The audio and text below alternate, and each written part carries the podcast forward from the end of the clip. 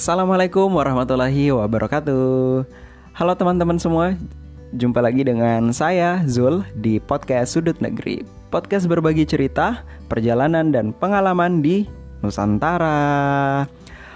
Oke teman-teman, saya mau mengucapkan terima kasih kepada teman-teman semua yang sudah mendengarkan podcast-podcast saya dan juga sudah turut memberikan feedbacknya karena bagaimanapun juga tanggapan dari teman-teman itu turut memberikan kontribusi untuk bagaimana saya bisa memberikan oh iya memberikan ya atau menyajikan uh, podcast-podcast yang lebih baik lagi. Baik dari kualitas suaranya kemudian isi kontennya ataupun hal-hal teknis lainnya yang juga sangat membantu dan saya benar-benar mengharapkan itu teman-teman.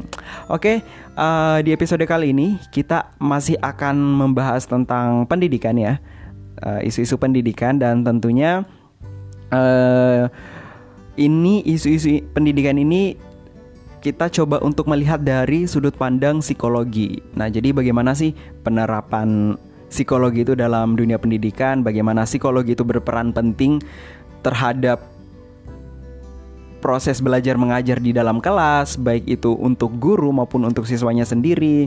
Kemudian kita juga coba untuk membahas apa sih psikologi bermain itu dan ternyata memang uh, bermain itu bukan hanya sekadar bermain gitu, tapi juga ternyata bisa ada ilmu, ada ilmunya, ada aspek-aspek penilaiannya kayak gitu. Nah, untuk memperdalam ini, untuk memper luas atau memperkaya khasanah keilmuan psikologi ini uh, ditinjau apa pendidikan ini ditinjau dari sudut pandang psikologinya. Tentunya saya tidak akan berbicara sendiri ya karena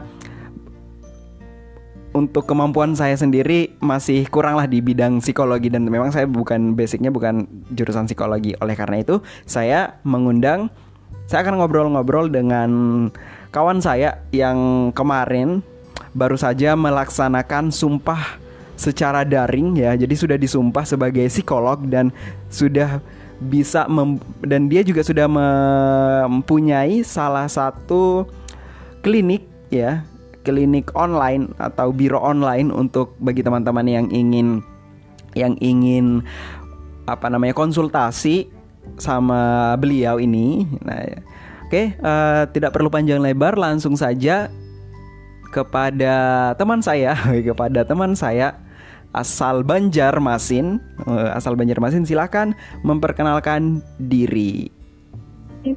Nama aku ada Haris Diana Putri.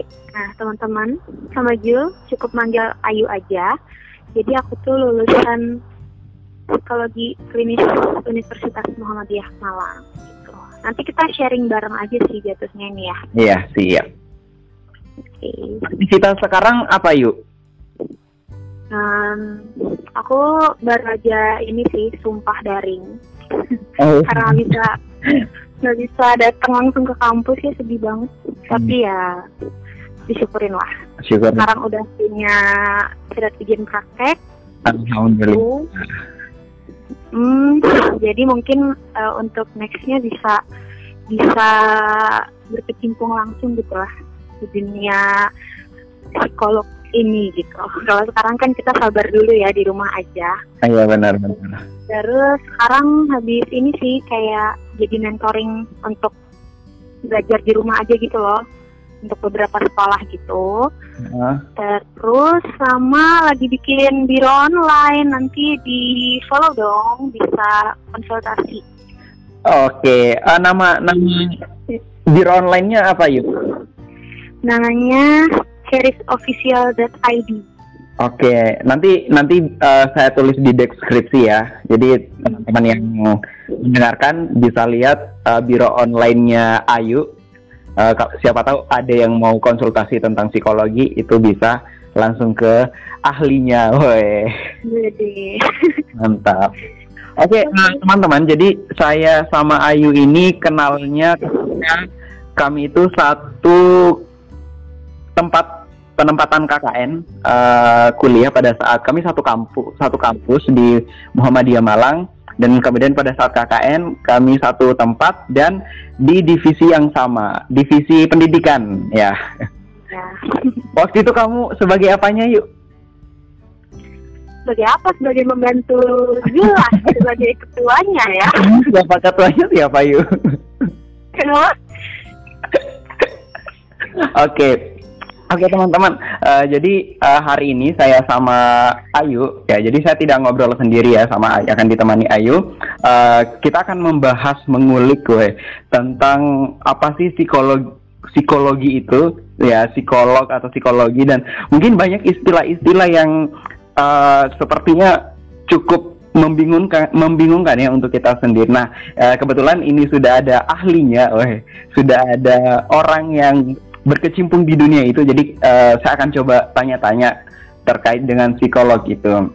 Nah, yuk uh, kalau dari orang awam kan, uh, misalnya saya sebagai orang awam uh, menganggap psikolog itu ruang lingkupnya adalah tentang ilmu jiwa, kejiwaan kayak gitulah. Nah, nah sebenarnya kalau dari pandangan Ayu sendiri, uh, psikologi itu apa sih? Kayak gitu. Oke. Okay. Jadi kalau psikologinya sendiri itu tuh ilmu yang mempelajari tentang tingkah laku seseorang ya. Bisa hmm. dengan lingkungannya juga, gimana mental seseorang, pikirannya, perasaannya. Hmm. Jadi semua tuh jadi satu kita pelajarin gitu. Bisa juga masa lalunya. Jadi kan uh, suatu perilaku terbentuk tuh mungkin karena masa lalunya kayak gitu. Hmm, gitu. Terus untuk psikologi sendiri itu tidak hanya tentang kejiwaan aja gitu. Karena kalau hmm. hanya untuk kejiwaan bisa aja kita datang ke psikiater dong gitu. Hmm.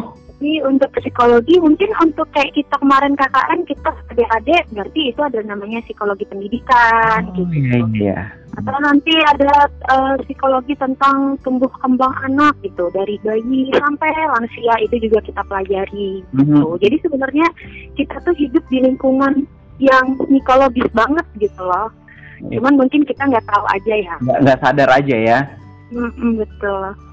Nah uh, di psikologi sendiri itu kan kayak banyak ya istilah-istilah uh, misalnya kayak tadi itu psikologi psikolog kemudian psikiater kemudian okay. psikis pokoknya yang psikis itu uh, gimana sih yuk uh, biar mungkin teman-teman yang mendengarkan bisa sedikit tercerahkan dan bisa membedakan kayak gitu iya banyak juga ya teman-teman mungkin yang udah sering datang uh, ke rumah sakit atau malah lihat biro ya sekarang kan karena kita aktif di rumah otomatis kita lebih sering lihat Instagram, Facebook, Twitter gitu kan sekarang uh, udah banyak biro-biro online dan juga ini sih isu tentang mental health kan sekarang ramai juga ya, ya untuk ya, diperbincangkan. Nah. nah, untuk uh, apa ya meluruskan aja. Jadi kalau psikolog sama psikiater tuh beda ya gitu. Mm-hmm. Kalau psikolog berarti lulusan S1 psikologi, dia menempuh lagi S2 psikologi mm-hmm. dan profesi psikologi gitu. Karena kalau misalnya cuma S2 psikologi bisa aja yang diambil tuh kayak PIO, perkembangan gitu. PIO tuh industri dan organisasi, misalnya kayak kita lihat hmm. HRD, oh. yang jurusannya psikologi, uh. nah kayak gitu-gitu. Itu tuh juga bisa dari jurusan psikolog, tapi dari bidang yang lain kayak gitu. Lalu kalau misalnya klinis kayak saya gitu berarti nantinya bisa buka praktek. Makanya tadi saya bilang saya singgung sedikit kalau udah sumpah dapat surat izin praktek. Nah, kayak hmm. gitu. Terus mudahnya ya kalau psikolog itu tuh gelarnya MPSI psikolog gitu. Oh. Kalau Nah, mungkin kan teman-teman sering juga ya lihat kayak pamflet atau di Instagram pembicaranya gelarnya apa gitu ya. Uh, uh, uh. Nah, gelarnya yang MPSI psikolog itu berarti psikolog. Kalau misalnya psikiater tuh SPKJ. Kalau itu kita sering banget lihat ya. Oh iya yeah, ya. Gitu. Kalau S kalau psikiater dia itu dari S1 kedokteran gitu. Oh. Jadi bukan dari psikologi. Jadi S1 kedokteran dulu terus mengambil spesialisasi kejiwaan. Nah, kayak gitu. Jadi bedanya kalau psikiater itu melakukan serangkaian wawancara, terus melakukan pemeriksaan secara medis karena kan basicnya dokter ya. Mm-hmm. Terus juga menggunakan obat-obatan gitu selama proses penanganannya. Jadi dia tuh menggali uh, gejala-gejala, mengenali gejala pasiennya itu tuh berdasarkan Benar. kondisi medis. Terus mungkin ada kerusakan saraf ya, kan itu tugasnya dokter otomatis. Jadi bukan psikisnya gitu. Tapi kalau misalnya psikolog itu dia itu kayak uh, tidak pakai obat, tapi berfokus pada penyebab permasalahannya ini apa sih gitu. Lalu nanti kita lakukan treatment psikologisnya gitu.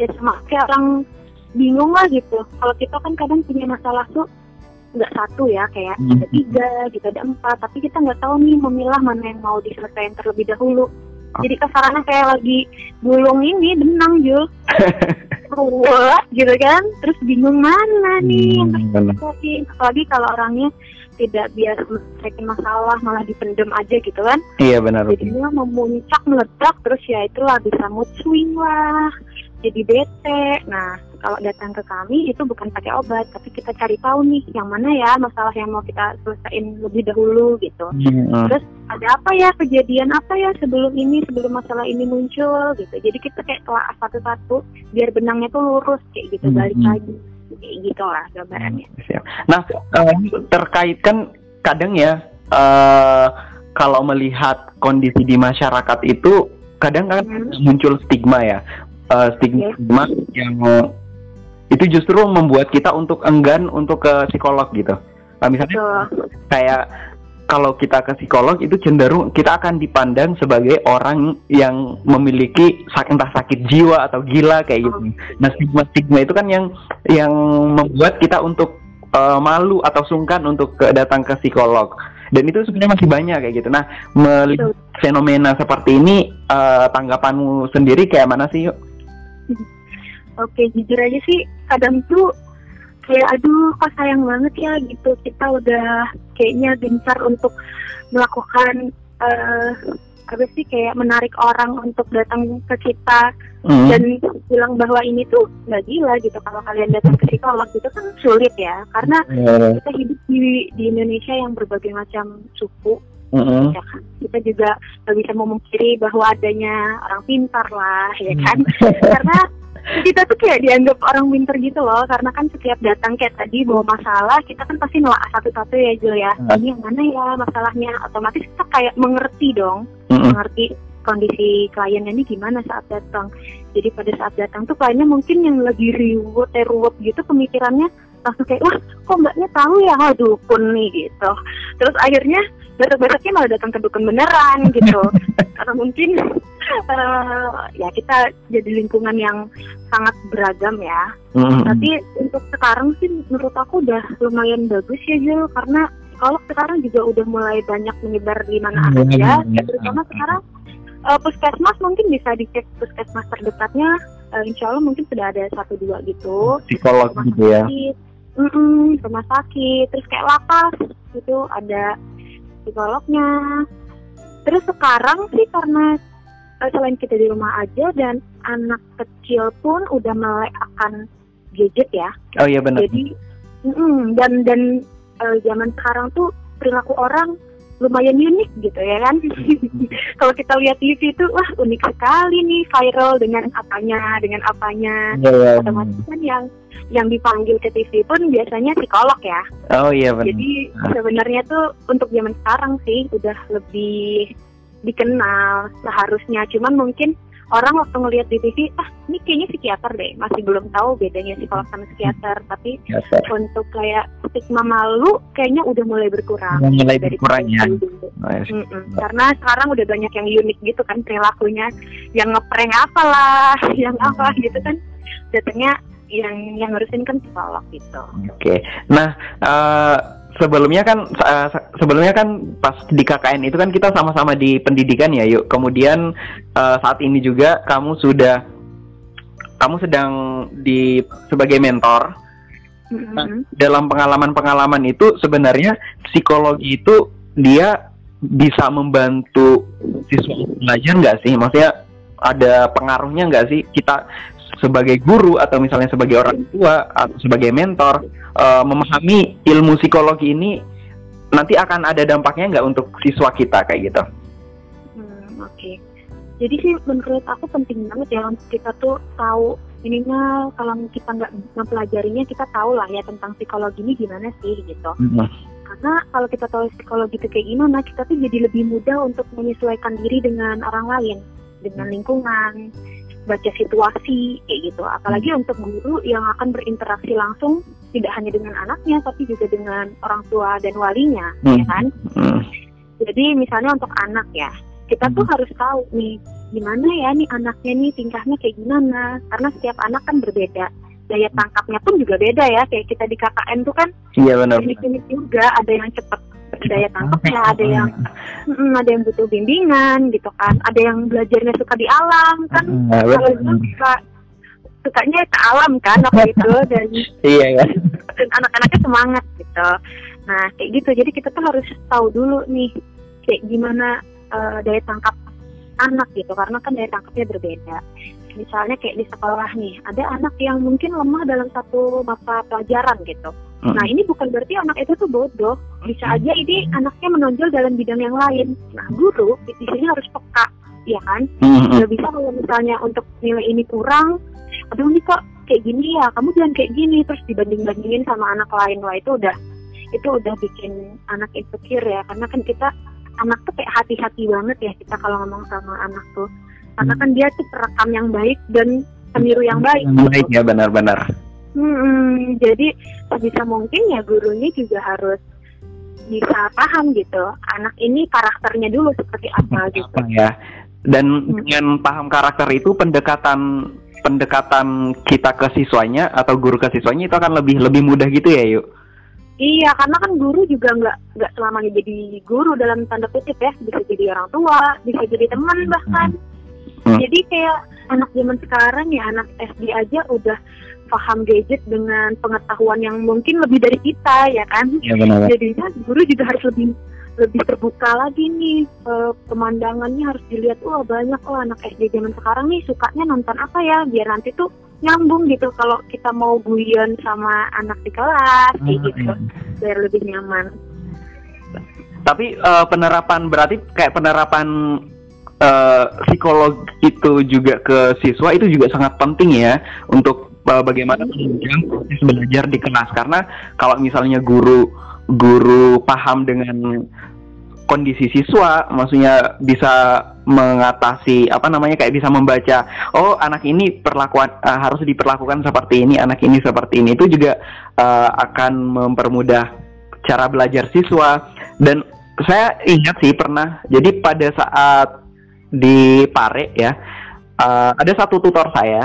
Jadi dia itu sebelum kami memulai pelajaran sebelum kami memulai pelajaran beliau itu nanya eh, kita ini cenderungnya ke mana? Bel- gaya belajar kami itu cenderungnya ke mana? Apakah kami lebih cen- cen- lebih cenderung ke audio visual atau kinestetik atau kombinasi kayak gitu?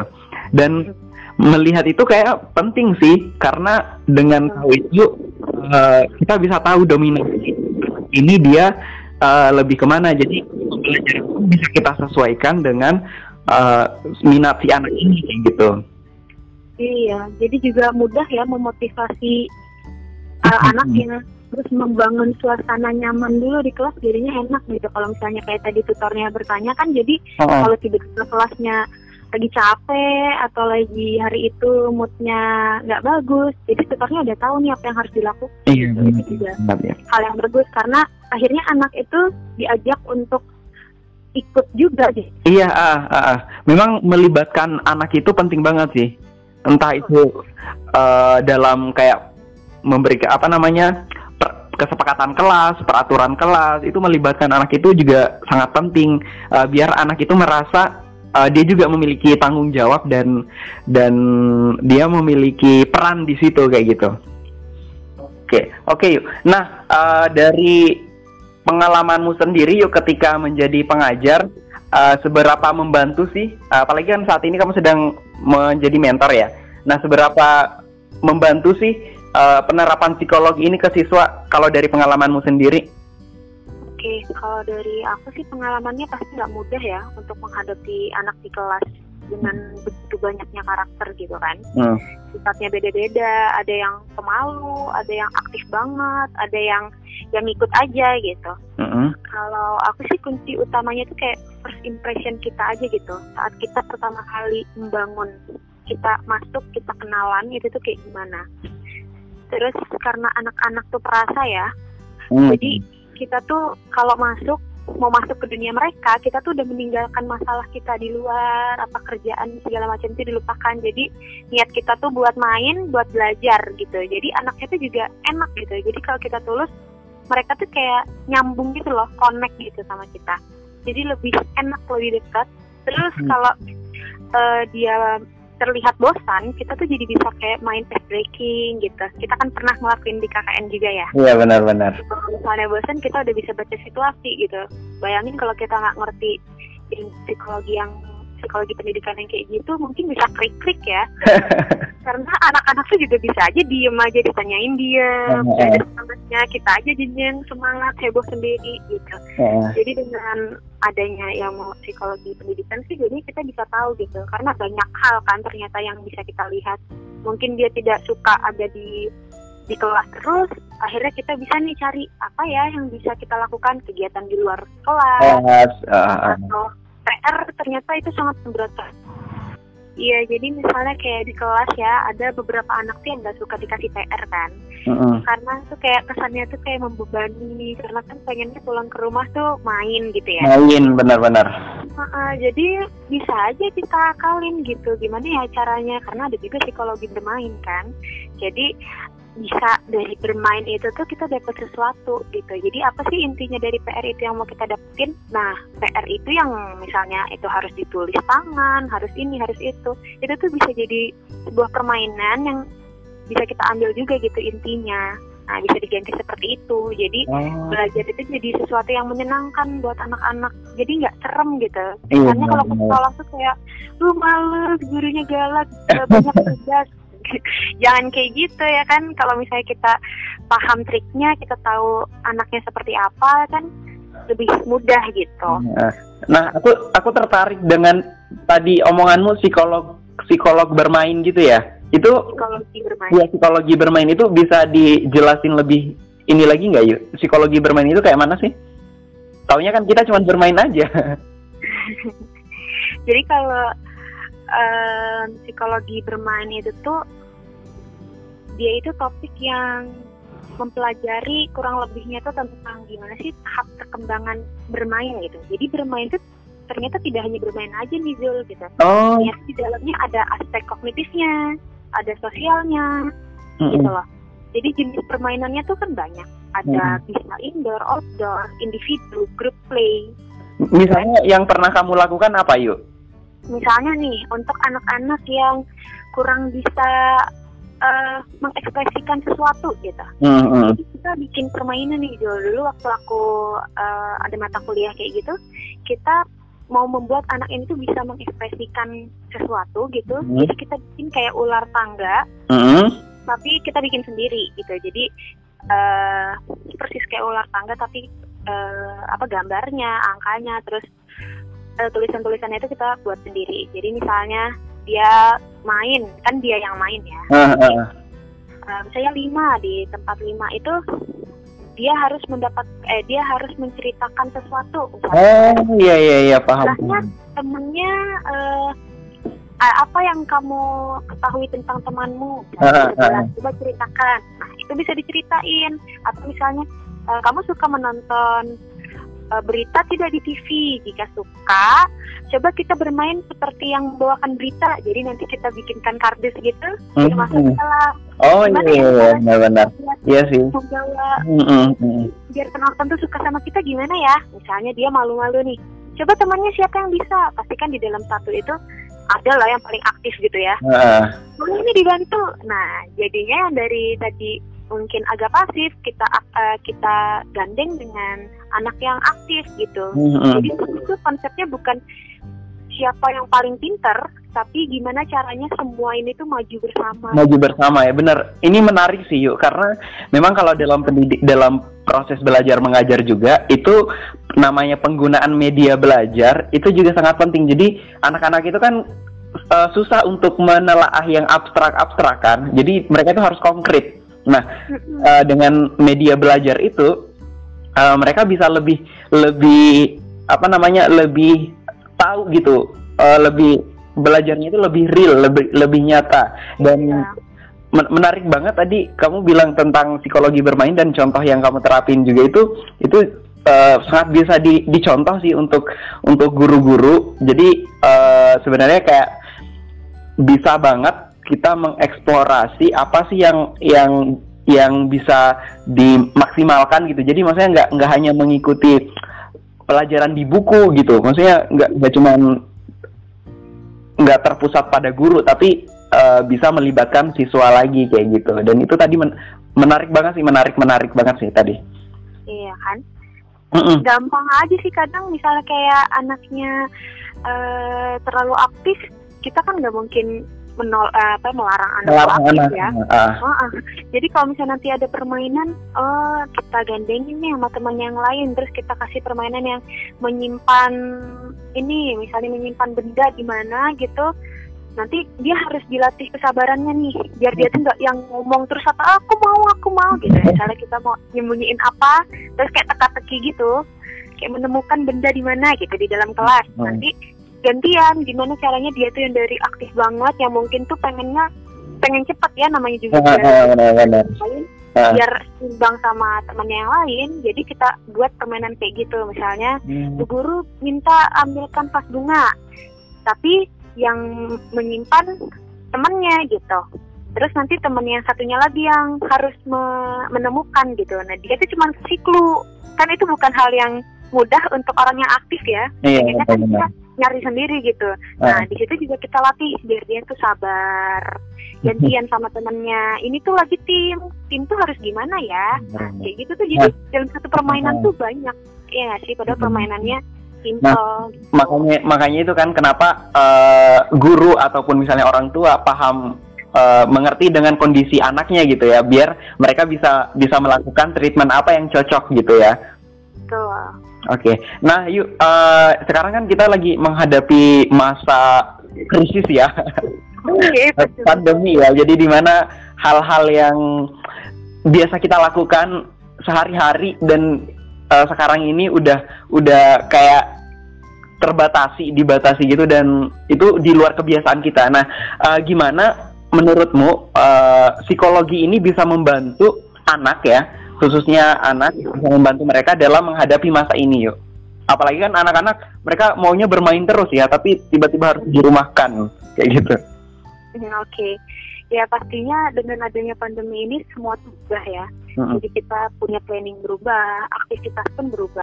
Pasti kan anak-anak tuh mudah bosan ya? Iya benar. Terus uh, yang paling kita bisa tahu nih kalau misalnya anaknya udah bosen banget dengan keadaan yang sekarang itu adalah perubahan suasana hati gitu.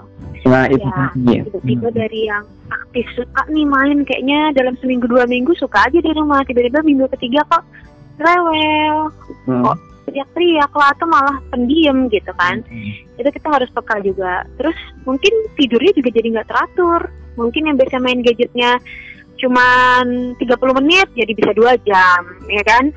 Karena di rumah aja gitu. Atau main game yang lain terus juga bisa jadi emosian kan? Karena itu tadi bosan.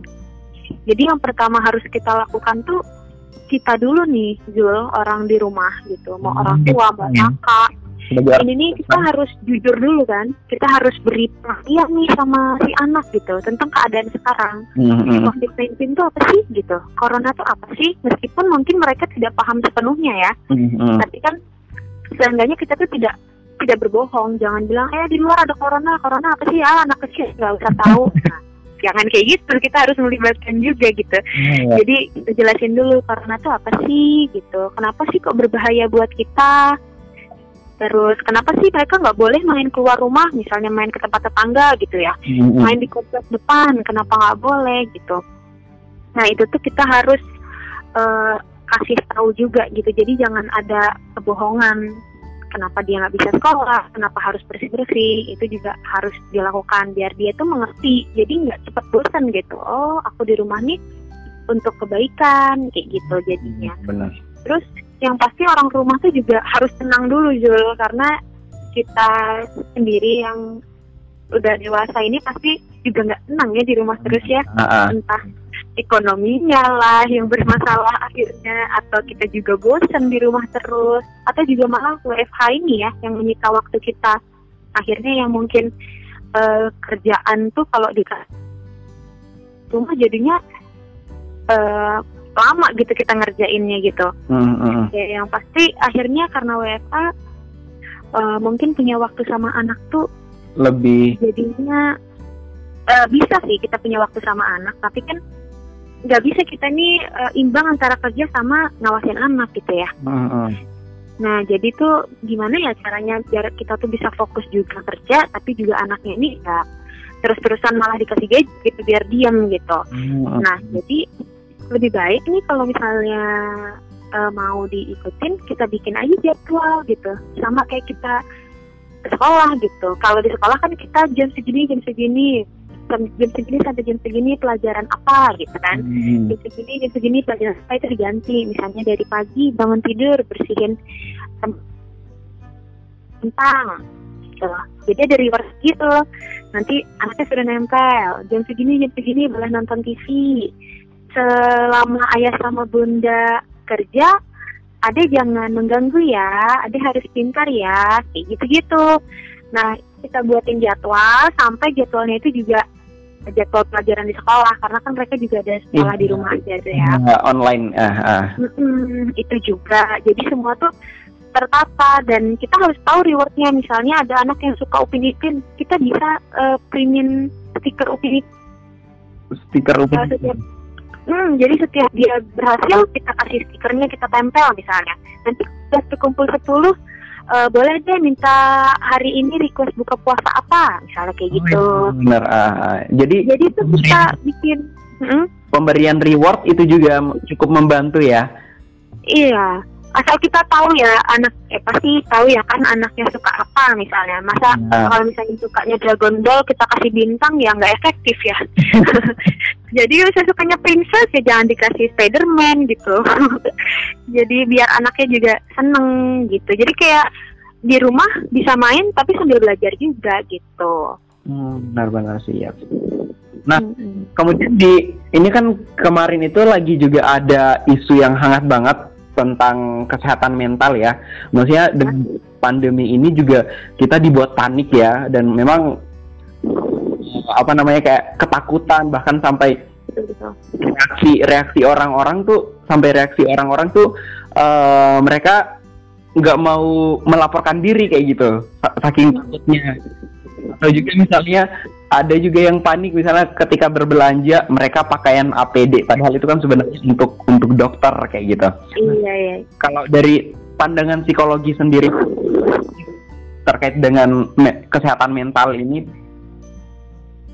jadi yang pertama sih yang harus kita sadari itu diri kita sendiri ya. Jadi sebelum kita ngomongin gimana lingkungan menghadapi COVID ini ya diri kita sendiri gitu. Karena kan kita yang paling tahu misalnya kita ini pencemas ya Jul mm-hmm. jadi kita tuh harus pinter gitu loh memilah berita atau sosmed yang mau kita lihat dan kita dengar gitu misalnya kita pencemas tapi kan grup WA tuh banyak ya yang ngasih berita hoax mm-hmm. segala macam dan kita kita telan mentah-mentah akhirnya kita tuh panik gitu jadi yang paling penting dan utama adalah kita tuh harus tahu kita cari berita itu yang akurat gitu dari situs-situs terpercaya gitu loh. Hmm. Jadi yang sudah diberikan oleh pemerintah, situs yang lain itu uh, hanya kita baca aja atau bahkan sama sekali nggak usah dibaca gitu. Karena itu itu tuh sangat penting. Misalnya bunda ya di satu rumah, bundanya nih mulai panikan gitu. Itu tuh akan sangat berpengaruh ke suaminya juga ke anaknya.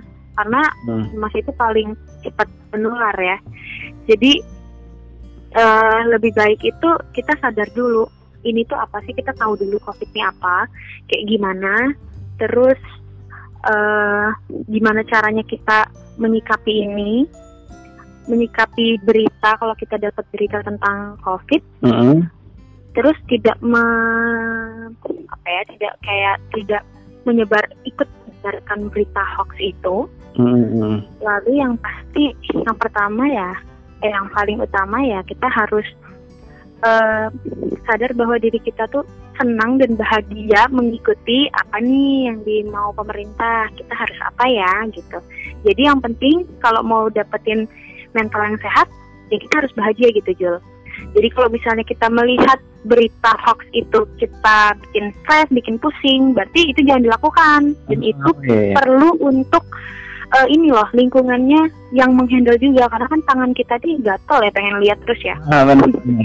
Nah kalau misalnya punya anak yang sudah SMP SMA ya orang tuanya juga harus bisa eh, lihat juga ya memilah apa yang dilihat oleh anaknya gitu. Hmm. Jadi biar nggak ikutan panik, ya kita harus tahu diri kita sendiri. Jadi kita susah juga untuk eh, mau bilangin orang lain karena diri kita sendiri pun butuh diyakinkan kan. Hmm. Nah yang bisa meyakinkan diri kita sendiri itu ya kita sendiri. Makanya kenapa orang itu tuh eh, imunnya bisa bagus karena memang mereka bahagia gitu.